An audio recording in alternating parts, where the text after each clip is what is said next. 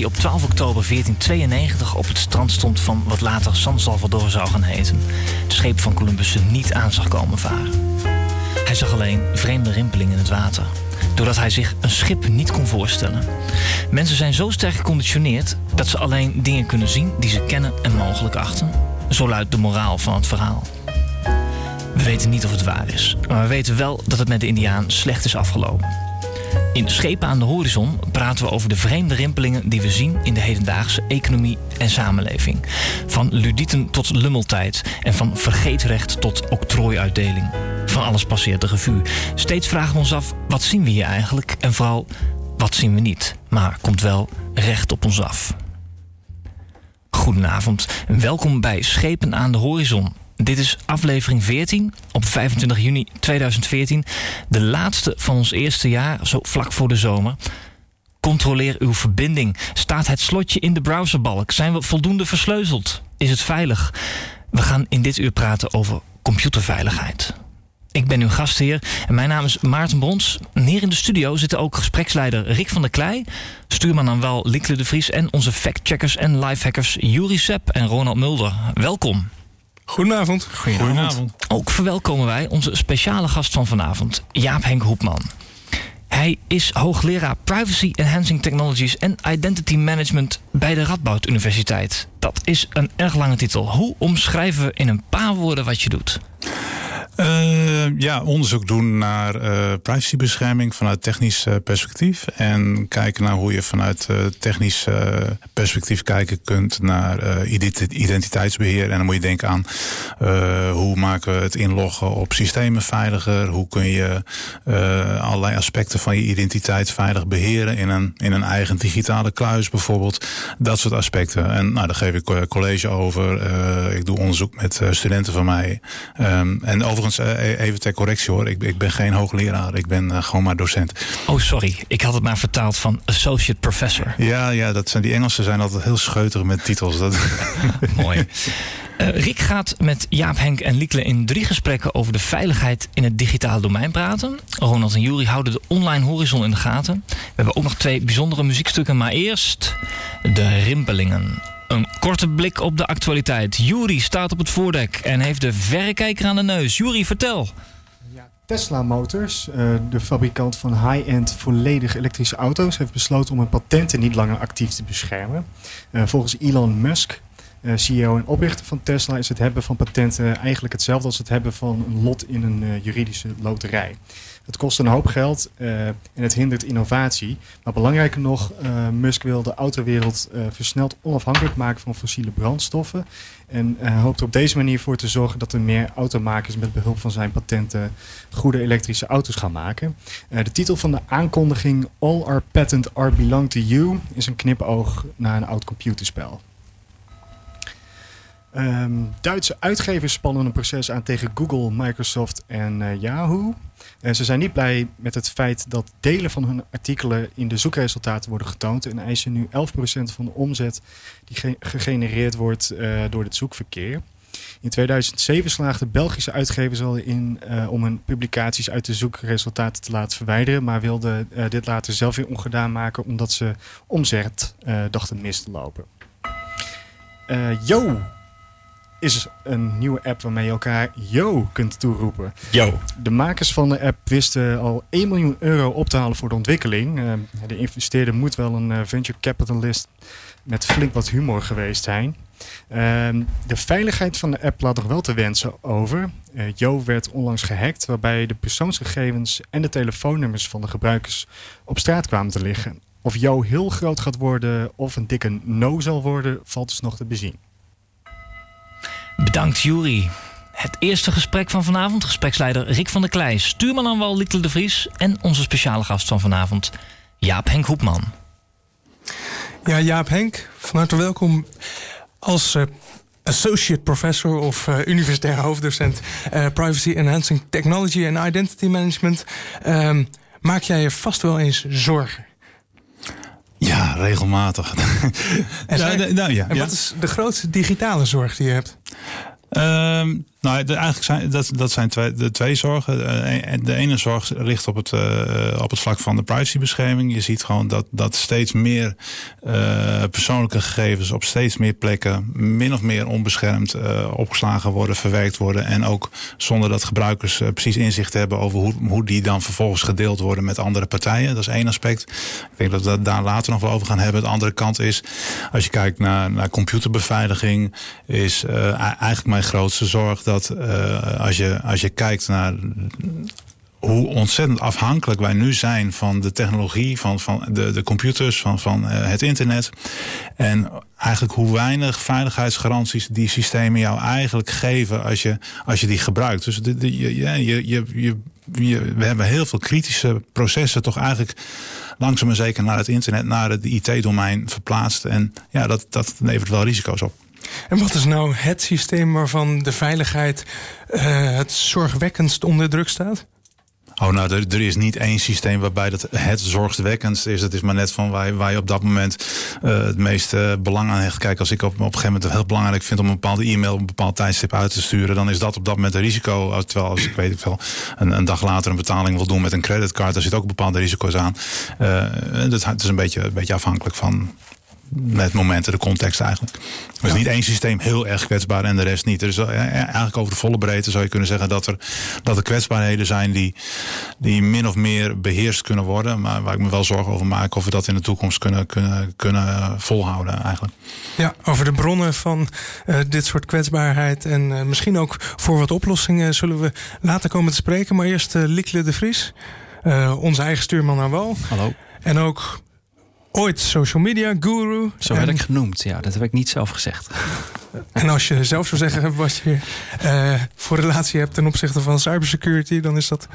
Uit ten opzichte van cybersecurity, mijn relatie, daar komen we vanavond misschien achter. Maar ten opzichte van social media en internet ben ik uh, uh, nog steeds een onverminderd evangelist. Ik denk dat het nog heel veel meer mogelijkheden biedt waar we heel blij van zullen worden. Um, maar ik deel wat, uh, wat Jaap Henk ook zegt. Het, uh, nou, je, zo nu dan komen er verhalen voorbij waar je wel de rillingen over de rug gaan van oh, mijn god, dat we dat niet door hadden. Ja, welk verhaal deed jouw rug het meest rillen?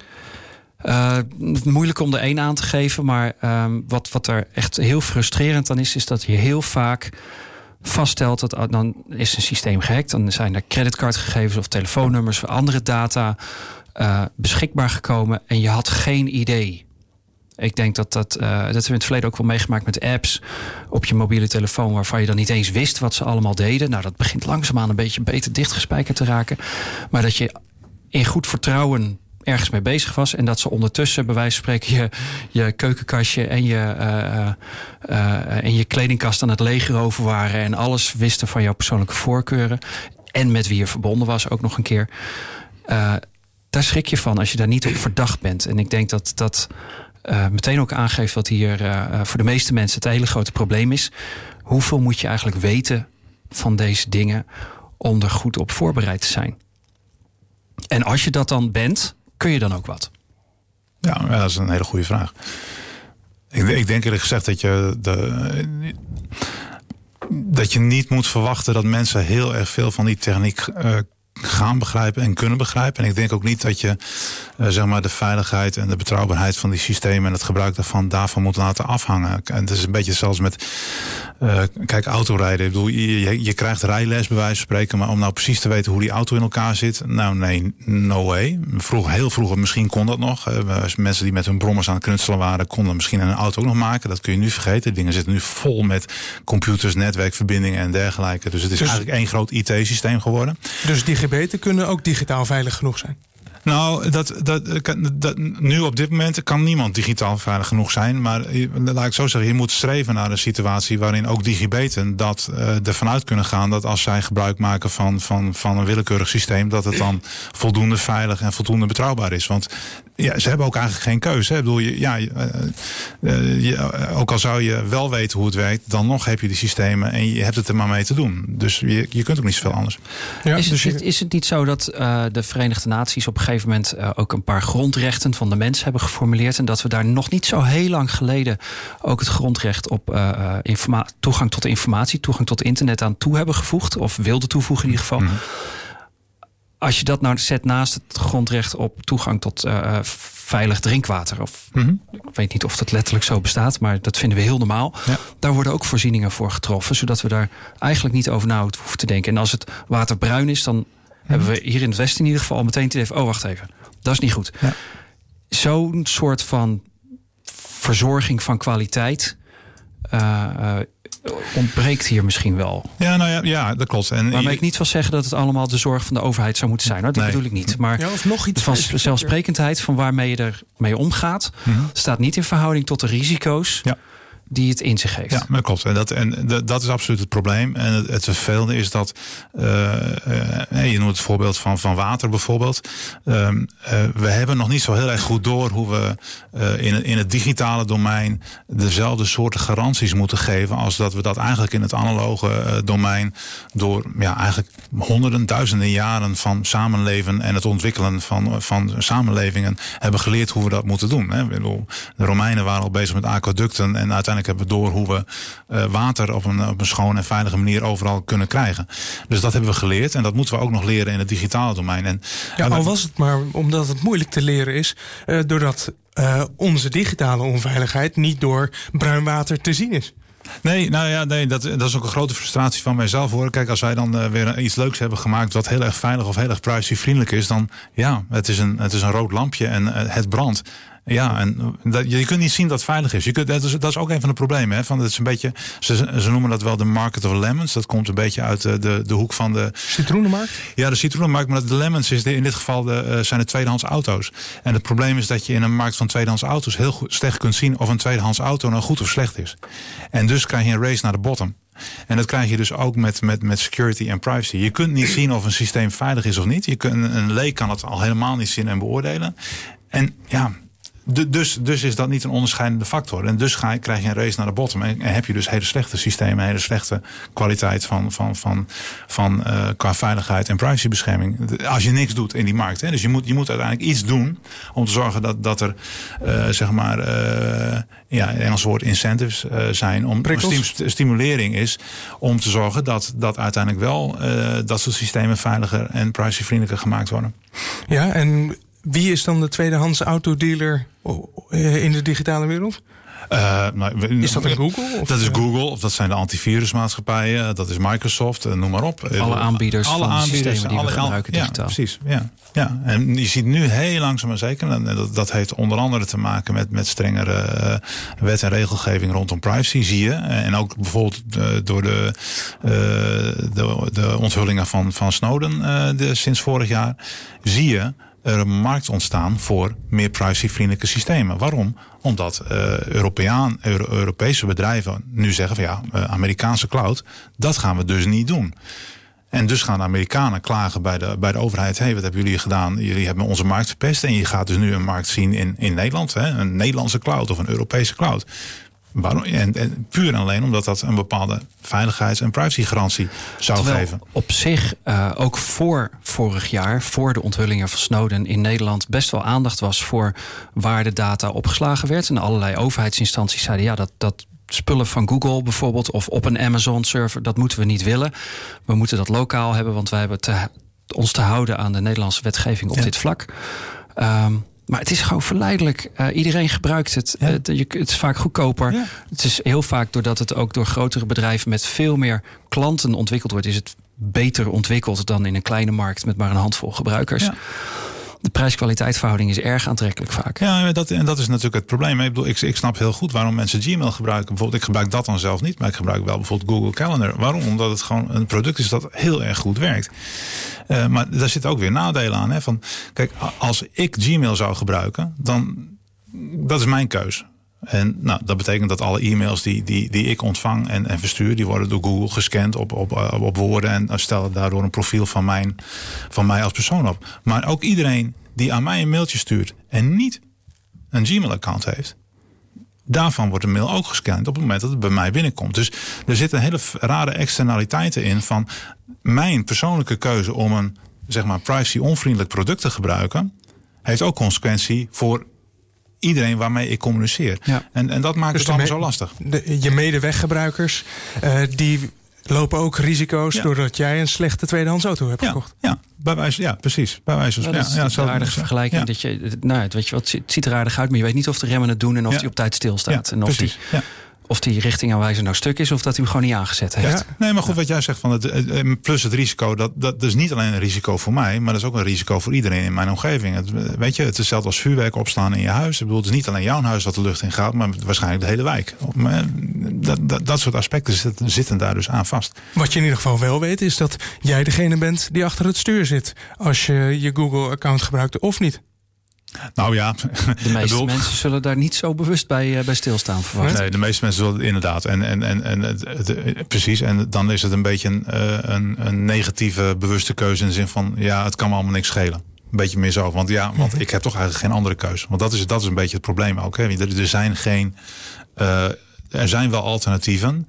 Maar dat is meer moeite. Het is heel veel meer Of je moeite. vrienden hebben het niet. Dus Nee, er zit een sociale status. Ja, eh, of, of, of het, het is gebruikersonvriendelijk. Of je moet inderdaad technische skills hebben om het überhaupt te installeren. Dus er zitten allerlei drempels in om die alternatieven, die er wel degelijk zijn, eh, te gebruiken. Ik bedoel, Het beveiligen van, van, van e-mail, om maar zo'n voorbeeld te noemen. Zijn, dat, dat, dat kan al heel lang. Daar heb je PGP voor, je hebt er S-MIME voor, noem maar op. Maar oh, z- zelfs, zelfs voor mij is het.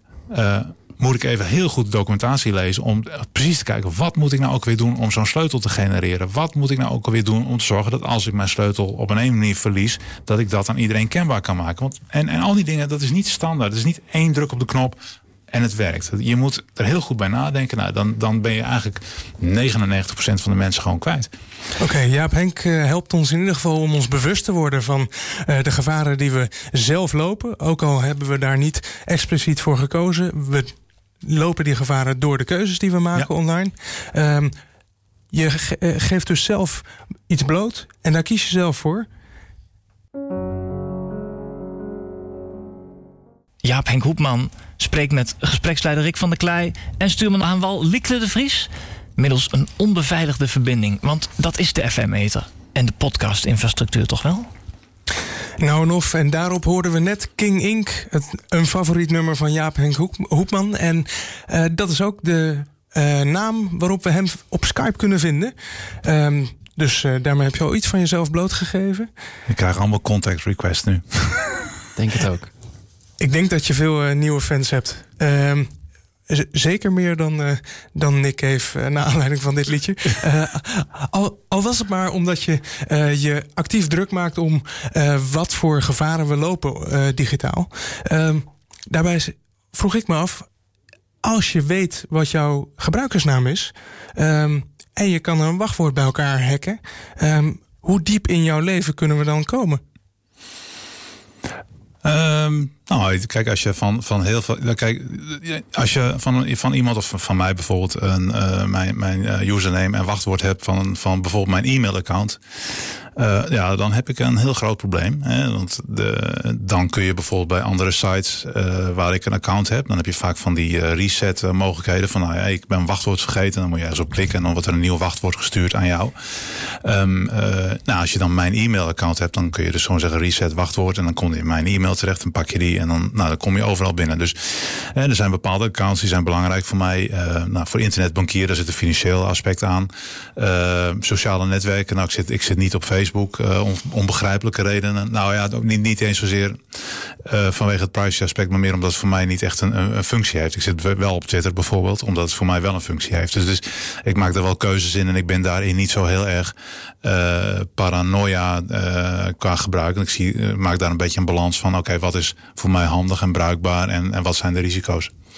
Maar zodra je iets van je identiteit blootgeeft, ehm, komt er ook een risico bij dat iemand anders eh, die informatie kan misbruiken. Toch? Ja, nou, je, je, hebt het, je, hebt, je hebt een risico van, van identiteitsfraude als je het hebt uh, over dit soort dingen. En uh, sommige mensen hebben daar, uh, kunnen daar behoorlijk last van, van hebben. Er is een, er is een heel, heel bekend voorbeeld van, van Ron Casolea. Dat is iemand die, dat, dat speelt al heel veel jaren, die ooit door een, een, een crimineel zijn identiteit werd gebruikt. En nou, iedere keer als die crimineel dan iets deed, dan werd zijn naam en dergelijke gebruikt. En iedere keer kreeg hij daar last van. Ja, in 1994 was de onschuldige zakenman Ron Casolea. Ja wiens identiteit werd gestolen door de zeer schuldige crimineel Imro Cairo.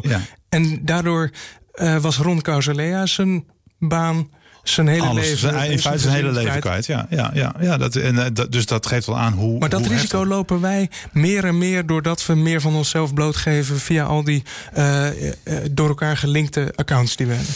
Um, dat kun je je denk ik wel afvragen. Het is, dit is een heel ongelukkige situatie voor deze meneer natuurlijk. Aan de andere kant.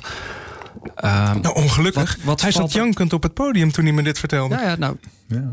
Dus ongelukkig.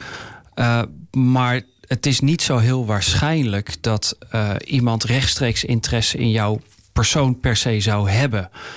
Uh, dat gebeurt meestal pas als je een bijzondere functie hebt of als je bijzondere bezitting hebt.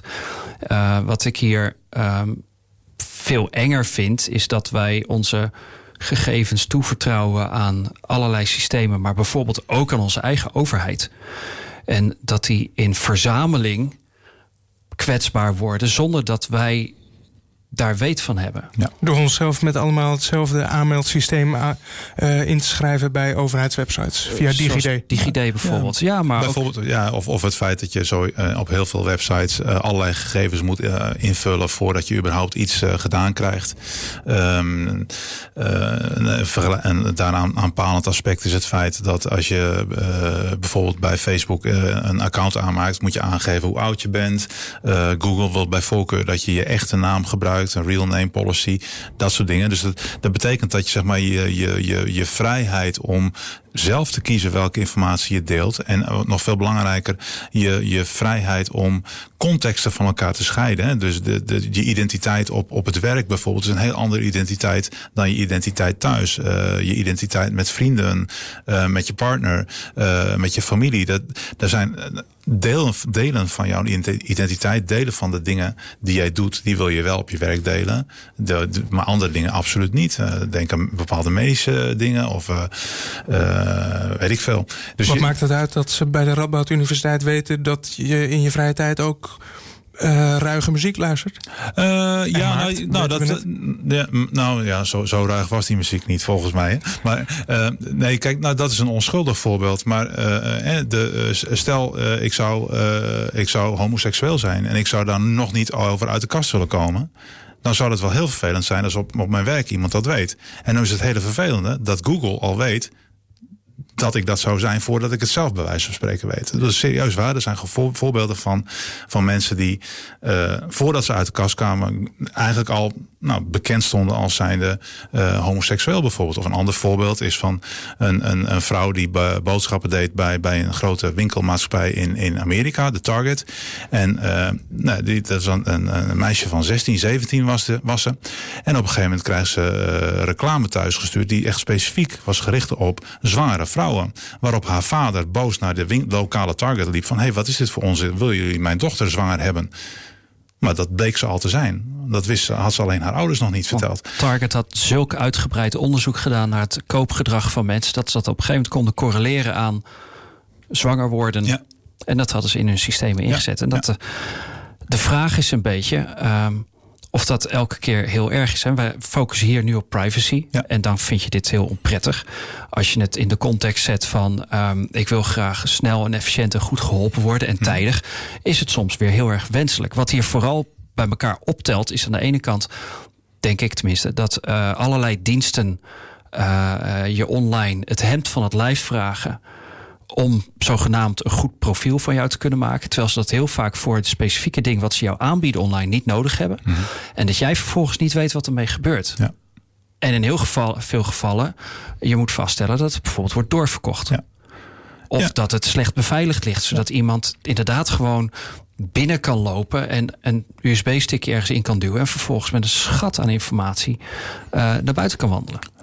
Ja, dat laatste dat is, dat is inderdaad ook een probleem. Ik vind dat eerste vind ik inderdaad een veel groter probleem. Dat je, uh, bijvoorbeeld Amazon, die op basis van je, je koopgedrag uh, zegt van nou, hey, deze boeken zouden ook voor jou interessant kunnen zijn. dat, is, dat, dat is heel functioneel, dat is prettig. Het is niet prettig als ze volgens die voorkeuren van mij ook eigenlijk onderhands en zonder dat ik dat door heb aan andere partijen doorgeven. En uh, ik zou wel toe willen naar een soort uh, ja, moreel besef en misschien wel, wel regelgeving daarom omtrent van hey, hou, die, hou, uh, hou die gegevens, als, je het, als je het hebt over personaliseren en, en het, het verbeteren van de dienst naar de, naar de gebruiker toe, doe dat alleen daarvoor en verkoop dat niet aan anderen. Een heel mooi voorbeeld van, van de ING, die, eh, die op een gegeven moment met het uh, mooie plan kwam om uh, betaalgegevens. dus in principe zien ze alle transacties die, die, die je doet als je bij hun een bankrekening hebt, om die te gebruiken voor, voor marketingdoeleinden. Dus in feite die gegevens. Ja, het was niet helemaal duidelijk of ze die gegevens zelf nou gingen verkopen aan een andere partij. Of dat ze een platform gingen aanbieden waarop andere partijen dan advertenties aan jou konden laten zien. Dat leek me enigszins onwaarschijnlijk. Dus ik denk eerlijk gezegd dat het toch wel meer het eerste was. Maar in ieder geval het gebruik van data die ze onder andere voorwenselen verzameld hadden. Ja, maar dat, ja, en, en, en, en, en dan, raak je wel aan een kern. Want eh, ik bedoel, de, de, de kern van, van, van bankieren is vertrouwen. En op deze manier is dat vertrouwen in één keer weg. En dat, ik denk dat dat wel een heel groot probleem is. Dus je, je, je zult toe moeten naar een situatie dat, dat zowel mensen, maar ook bedrijven zich meer bewust zijn van de vertrouwenspositie die ze hebben. En dat ze die vertrouwenspositie niet zomaar moeten misbruiken. Een aantal jaren geleden ontstond er binnen de wereld van social media en al deze gratis online producten ook de gevleugelde kreet: If you're not paying for the product, you are the product being sold. Als het gratis is voor jou, dan betekent dat dat jij jouw informatie doorverkocht wordt. Ja. Namelijk jouw profiel met al jouw persoonlijke data wordt verkocht aan adverteerders omdat ze weten dat ze jou moeten targeten en niet iemand anders. Ja. En het ene moment denk je van nou, dat vind ik eigenlijk niet zo erg. Want dat betekent dat ik op Facebook alleen maar dingen zie in reclame waar ik oprecht interesse in zou hebben. Behalve dat het natuurlijk heel vaak niet zo gebruikt wordt. Dus dat is relevante reclame, dat is mooi. Ja, maar daar zijn ze toch vrij slordig in, blijkt. En dan tenslotte, de tweede ding is dat je niet ziet wat ze er verder nog mee doen. Mhm. Dus een van de dingen die ons hier misschien ondertussen wel een beetje in de wielen rijdt, is het, het freemium model. Waarbij uh, een aanbieder van een dienst zegt: Nou, weet je wat, je hoeft niet meteen te betalen. Je kunt het gewoon gratis gebruiken. Dan wil ik alleen wel alles van je weten. Ja. En als je straks dus meer functionaliteit wil hebben, die je betaalt. Ja, en als je, als je meer functionaliteit wil hebben, dan kun je overstappen naar een pro-account of iets waar je betaald voor, wil betalen. Terwijl je eigenlijk veel liever zou willen hebben. Nou, deze suggestie, vraag aan jou. Ja, zou het, zou het beter zijn wanneer een, een aanbieder van een online dienst dan zou zeggen: Weet je, er is een gratis variant, maar dan wil ik alles van je weten. En er is een betaalde variant en dan kun je anoniem gebruiken. Of dan hebben we je privacy beter afgedekt. Nou, dat zou in ieder geval een stap vooruit zijn. Want dan geven we in ieder geval gebruikers een, een, een, een eerlijke keuze. Want op dit moment is het gewoon, heb je geen keuze over. Hè? Je kunt of de hele gebruikersvriendelijke dienst gebruiken. Of, of helemaal niks. Of iets wat totaal niet in de buurt komt en waar niemand van je vrienden op zit. Uh, als je het hebt over sociale netwerken. Maar uh, moet de overheid die keuze afdwingen? Dat we die keuze nou, überhaupt hebben? Nou ja, kijk, de, nou de grap, weet je... De, de, of laten we het aan de vrije markt over? Hopen nou, we dat... Het, het, is heel lastig, hè, want kijk, de, um, er is al heel veel wetgeving. En in principe heel veel van de dingen die Google en Facebook doen... mag eigenlijk helemaal niet volgens Europese wetgeving. Dus het is niet zozeer een probleem dat er geen wetgeving is. Het probleem is dat die niet gehandhaafd wordt. En, en dat begint nu langzaam maar zeker, gebeurt dat meer. Hè? Dus het recente geval van, van Google, een uh, rechtszaak voor de Europese Hof, uh, uiteindelijk aangespannen door iemand in Spanje, die wou dat bepaalde zoekresultaten over hem uit de zoekresultaten van Google werden verwijderd. Uiteindelijk heeft, heeft het, het Hof gezegd van, ja, Google, jij moet die zoekresultaten eruit halen, want het is een, een, een te grote uh, eigenlijk inmenging in de privacy van die persoon. Dat betrof namelijk uh, gegevens over een, gedwongen verkoop van zijn huis uh, jaren geleden. En ja, die man had terecht zoiets van ja, dat was toen, maar dat is nu niet zo relevant meer. Dus die, uh, er begint langzaam maar zeker begint daar wat, wat, wat te gebeuren. Maar dat is nog lang niet, niet, niet, niet duidelijk en helder genoeg. Dus er gebeurt al heel veel uh, wat eigenlijk niet mag. Maar als het Europese Hof al zegt dat er zoekresultaten van Google uit de lijst verwijderd moeten worden, ja. uh, dan betekent dat toch dat overheden wel wat uh, wetgeving kunnen handhaven? Ja, ja nee, dat, wat ik zeg is dat, dat, dat nu langzaam maar zeker eh, de, meer gehandhaafd wordt. Ik bedoel, vergeleken met een paar jaar geleden gebeurt er veel meer. Maar je ziet in, zeker in Nederland heb je het College Beschermingspersoonsgegevens. Die, die doet hun best, maar ze hebben gewoon heel erg weinig mensen. En, uh, en daarmee hebben ze dus heel weinig mogelijkheden om allerlei uh, schendingen van de, van de privacywetgeving, die, het wet bescherming persoonsgegevens die we in Nederland hebben, om, om, om die aan hun laars te lappen. en waarom is het zo moeilijk als overheid om die wetgeving om privacy te beschermen te handhaven dan? Um, nou ja, dat is een kwestie van prioriteit stellen. En ik denk dat da daar ook wel een beetje aan schort. Het is, kijk, we hebben nu even, we hebben nu voornamelijk gehad over. Maar technisch kan het. Nou ja, je, Beter dan nu Nou ja, kijk, sowieso kun je allerlei systemen op een veel privacyvriendelijke manier ontwikkelen. Kijk, ik, eh, Facebook kun je ook zo maken dat uh, er geen Facebook is, geen centralistische knoop is. Dus dat, dat als ik mijn profiel met jou wil delen, dat we dat prima kunnen doen op een peer-to-peer manier. Ook, hè? Uh, ja. Diaspora is ja. er een van. Ja. En er zijn nog wel een paar andere ook. Die technologisch anders in elkaar gezet zijn. Zodat dat inderdaad uh, niet, uh, dat jouw gegevens ja. niet op die manier ja, centraal kwetsbaar ja. te vinden zijn. Zodat het alleen maar 3.0 is. Alleen maar tussen mensen. Geen maar dan, maar dan, moet, dan moet je de businessmodellen dus anders. Dan moet, daar zitten andere businessmodellen onder. En dat, en, en dat uh, zou betekenen dat je als overheid toch moet stimuleren. Dat, of, of het zij stimuleren dan wel via wet en regelgeving. Proberen dat het meer die kant op gaat. Dit is Schepen aan de Horizon. Discussie over actuele en toekomstige onderwerpen in economie en maatschappij. Vandaag veiligheid en computers. Waar gaat dat heen? Hoe komt dat eruit te zien? En wat doet dat met ons?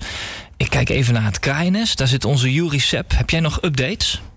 Een uh, mooie update is... Uh, update, het is vermeldenswaardig. Uh, natuurlijk het blog van uh, Jaap Henk.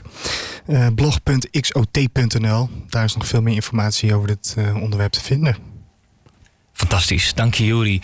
Naast mij zit een gespreksleider Rick van der Klei, stuurman aan wal Lieke de Vries en computerveiligheidsspecialist Jaap Henk Hoepman. Ik geef het woord aan jullie heren, steek van wal. Net constateerden we dat uh, overheden nog wel meer kunnen doen om uh, de privacybescherming goed te handhaven. Want aan de wetgeving hoeft het niet te liggen. Um, maar wat kunnen wij als burgers zelf eigenlijk beter doen? Um, ja, dat is, dat, dat is dus uh, wat lastig. Um, we hebben het net ook al over gehad. Um, en, en dat is een beetje het onderliggende probleem. Als je, zowel als je het hebt over, over uh, veiligheid en als je het hebt over privacybescherming. Uh, we hebben een beetje te maken met ja, een beetje de scheepvaartterminologie. We moeten roeien met de riemen die we hebben. En die riemen, in dit geval, de, de, de computersystemen en de, en de netwerken, die komen eigenlijk uit de jaren 60, 70. In ieder geval de concepten waarop ze gebouwd zijn.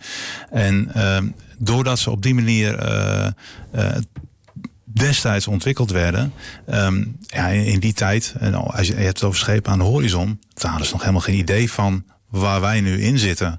Um, Facebook, Spotify, noem maar op. No way. Ik bedoel, IBM dacht dat ze misschien 100 à 1000 computers überhaupt in de hele wereld zouden verkopen. Um, internet werd bedacht door ARPA, DARPA, de, de, de defense, uh, defensie-industrie, uh, de defensieorganisatie uh, in Amerika. En het idee was dat ja, bevriende instellingen met elkaar berichten gingen uh, versturen. Dus hoezo? Hackers, hoezo? Aanvallers, dat, dat zat helemaal niet in hun concept eigenlijk. Um, en dat zie je. dus ze hebben systemen ontworpen zonder aan de veiligheid te denken? Nou, op een, op een heel andere manier aan de veiligheid te denken. En eigenlijk de, de, de ze hadden een heel ander gebruik van die systemen voor ogen dan, dan waarvoor wij ze gebruiken. Het is een beetje hetzelfde als dat je uh, bij wijze van spreken een fiets ontwerpt en op een gegeven moment uh, bedenkt dat je toch weer 200 km per uur van, van Amsterdam naar, naar Groningen wil fietsen. Ja, dat gaat niet met de fiets. Ja, je kunt een raket opzetten, maar op een gegeven moment houdt het op. Dus de, voor mijn gevoel is een van de dingen wat we, als we het hebben over, over, over computerbeveiliging, cybersecurity, dat we, dan moeten we daarna terug. Dan moeten we veel fundamenteler gaan nadenken over van hoe moeten dat soort systemen en hoe moeten dat soort netwerken eruit zien.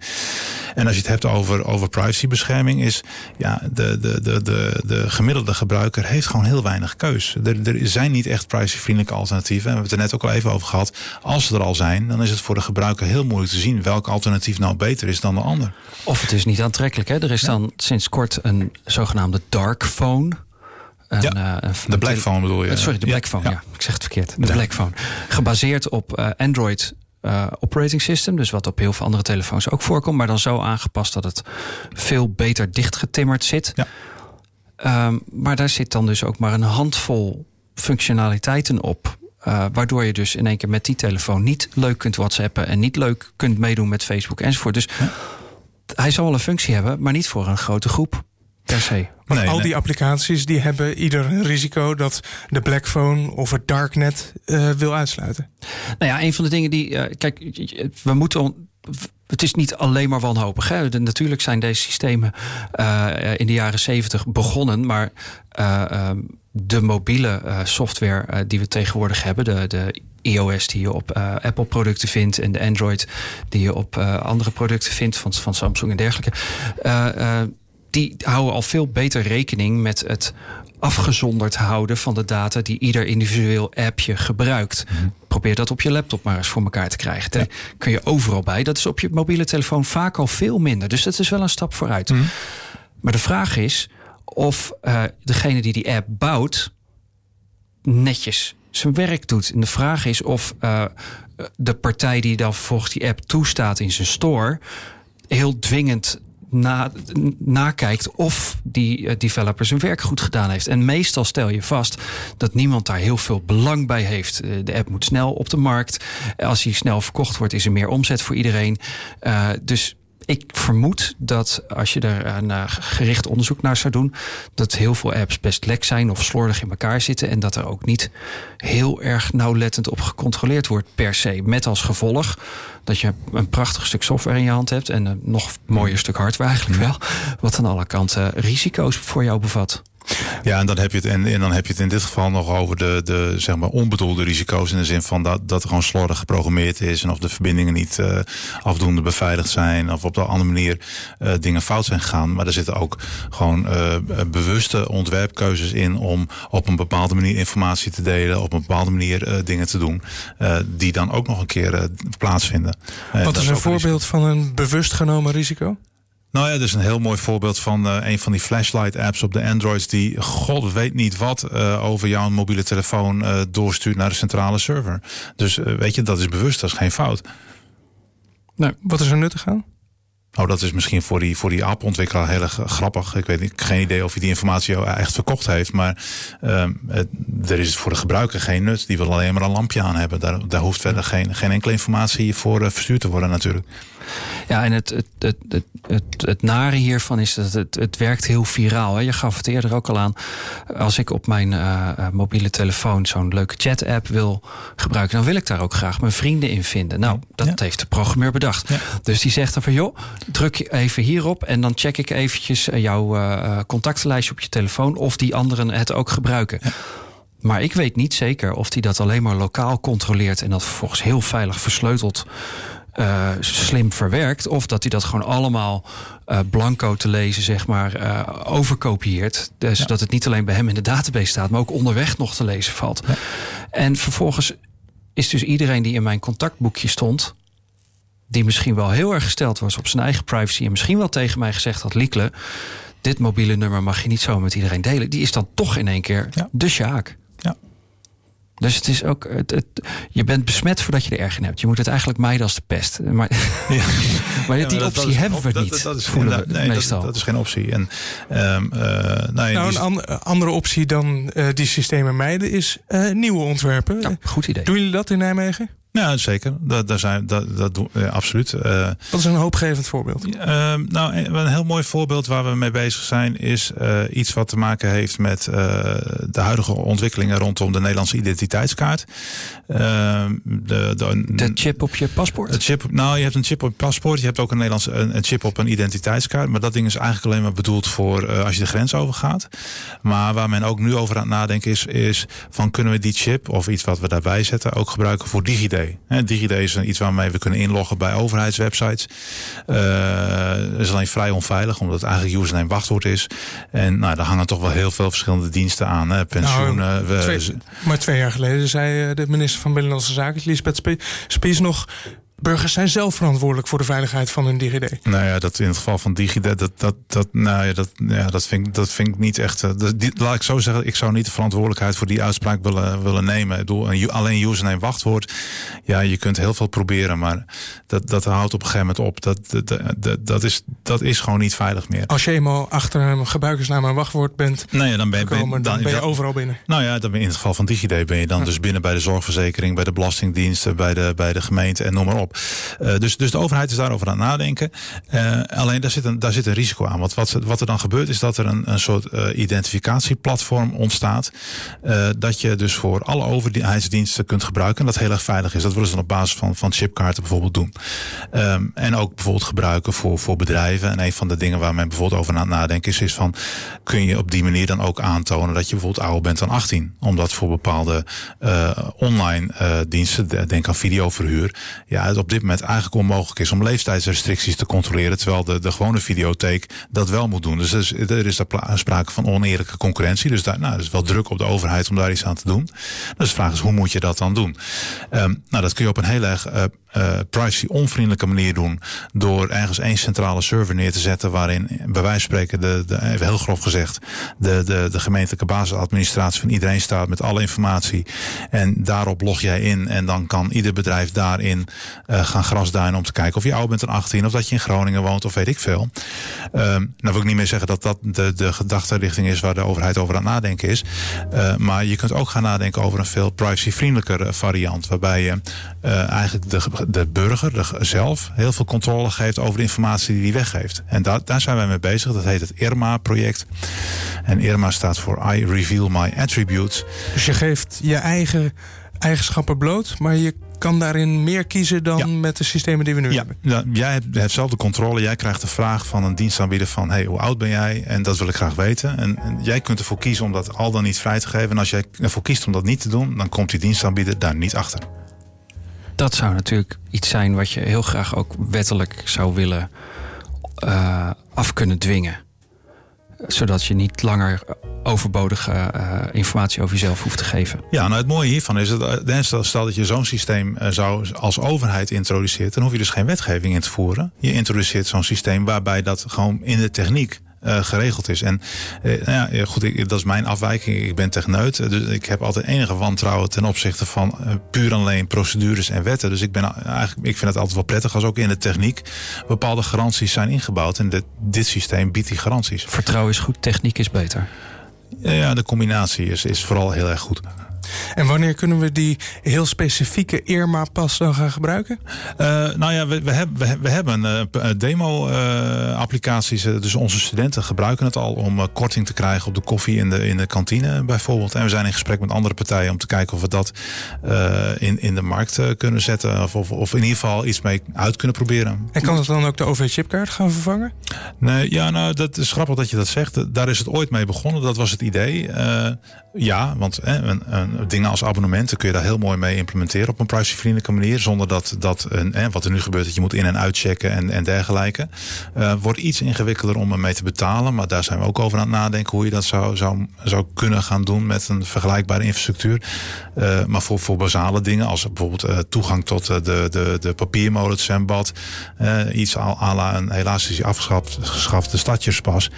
Daar zou je zo'n zo'n IRMA-technologie heel mooi voor kunnen gebruiken. En dan allerlei diensten aanbieden. Een platform open voor iedereen. Alleen dan wel op een prijsvriendelijke manier. Ja, dus voor musea, voor zwembaden en misschien wel voor treinen ja. uh, is zo'n pas geschikt. Ja. Uh, en, maar het moet toch internationaal? Want als nou, je maar aan de grens komt. Ja, internationaal ook. Maar laten we eerst even bedenken hoe we nou zorgen dat iedereen dit wil hebben. Hè? Want ja. het, het, is voor een heel groot deel ook een marketingprobleem. Ja. We hebben het niet door, we weten niet wat het is. We weten niet waarom we het zouden moeten willen. Nee. Het klinkt ingewikkeld. Ja. Wat zou, wat zou de killer app, zoals ze dat al vaak noemen, voor Irma kunnen zijn? Misschien die OV-chipkaart? Nou, een, nou, een, een van de killer apps. Dan vraag je aan Jaap Henk Hoepman, de initiator van de hack op de overchipkaart, toch? Ja, ja, ook nog, ja. Okay. ja oh, dat, dat, dat, dat is waar eenmaal, ja. ja. Zoals ze dat zo mooi zeggen. Uh, nou, een van de killer apps die, die we bedacht hebben is... Uh, je weet, je kunt volgens mij een killer app niet bedenken. Dat het ontstaat of het ontstaat niet. Maar waar we over na hebben gedacht is bijvoorbeeld... Uh, de zwarte markt in concertkaartjes. Een heel groot probleem. En waarom ontstaat het probleem? Ja, iedereen kan gewoon die kaartjes kopen en, en dat vervolgens doorverkopen. Maar als je die, zo'n zo'n Irma-kaart maakt, dan zou de, zou, uh, zou de Ticketmaster zou in feite zo'n kaartje uit kunnen geven tegen zo'n smartcard. En ik zou hem daar niet af kunnen halen. Ik kan hem alleen maar laten zien bij de ingang van het concert. Dus op die manier wordt het veel moeilijker om kaartjes door te verkopen. Want het idee is dat zo'n kaartje is persoonsgebonden. Dus je hebt niet tien Irma-kaartjes, je hebt er maar één. En uh, als je dan dus je kaartje dat je hebt gekocht bij Ticketmaster wil doorverkopen aan iemand anders, dan moet je je kaartje weggeven. Dan ben je eigen Irma-kaart kwijt. Dus dat is een voorbeeld van uh, dingen die je nu heel moeilijk voor elkaar krijgt, die dan eigenlijk triviaal zijn geworden. En er zijn er wel meer uh, vergelijkbare toepassingen. Er zijn ook hele grappige militaire toepassingen en bijvoorbeeld. Daarover wil ik graag een volgende keer een boom met je opzetten. Want we horen Badlands al. Het loopt al tegen elfen. Dit was Schepen aan de Horizon, de veertiende en laatste aflevering van ons eerste jaar. Reuze bedankt aan alle partners, Oogradio, Warpnet, Seats to Meet en ook u, beste luisteraar. In juli en augustus is er geen uitzending. We houden even vakantie. En tot die tijd kunt u alles terugvinden online op sadh.nl en gratis in de iTunes Store bij de podcasts. Bij Noorderzon gaan we praten over het experiment van het basisinkomen. Op 29 augustus om 4 uur middags in de Desdemona tent. Hopelijk kunnen we u dan begroeten. Houd sadh.nl in de gaten. Schepen aan de horizon wordt gemaakt door Rick van der Klei, Liekle de Vries, Ronald Mulder, Juri Sepp. Mijn naam is Maarten Brons. De techniek was natuurlijk weer in handen van Roelof Donker. En onze speciale gast van vanavond was Jaap Henk Hoepman. Zeer bedankt voor je komst naar de studio. Graag gedaan. Voor nu bedankt. Een hele goede zomer.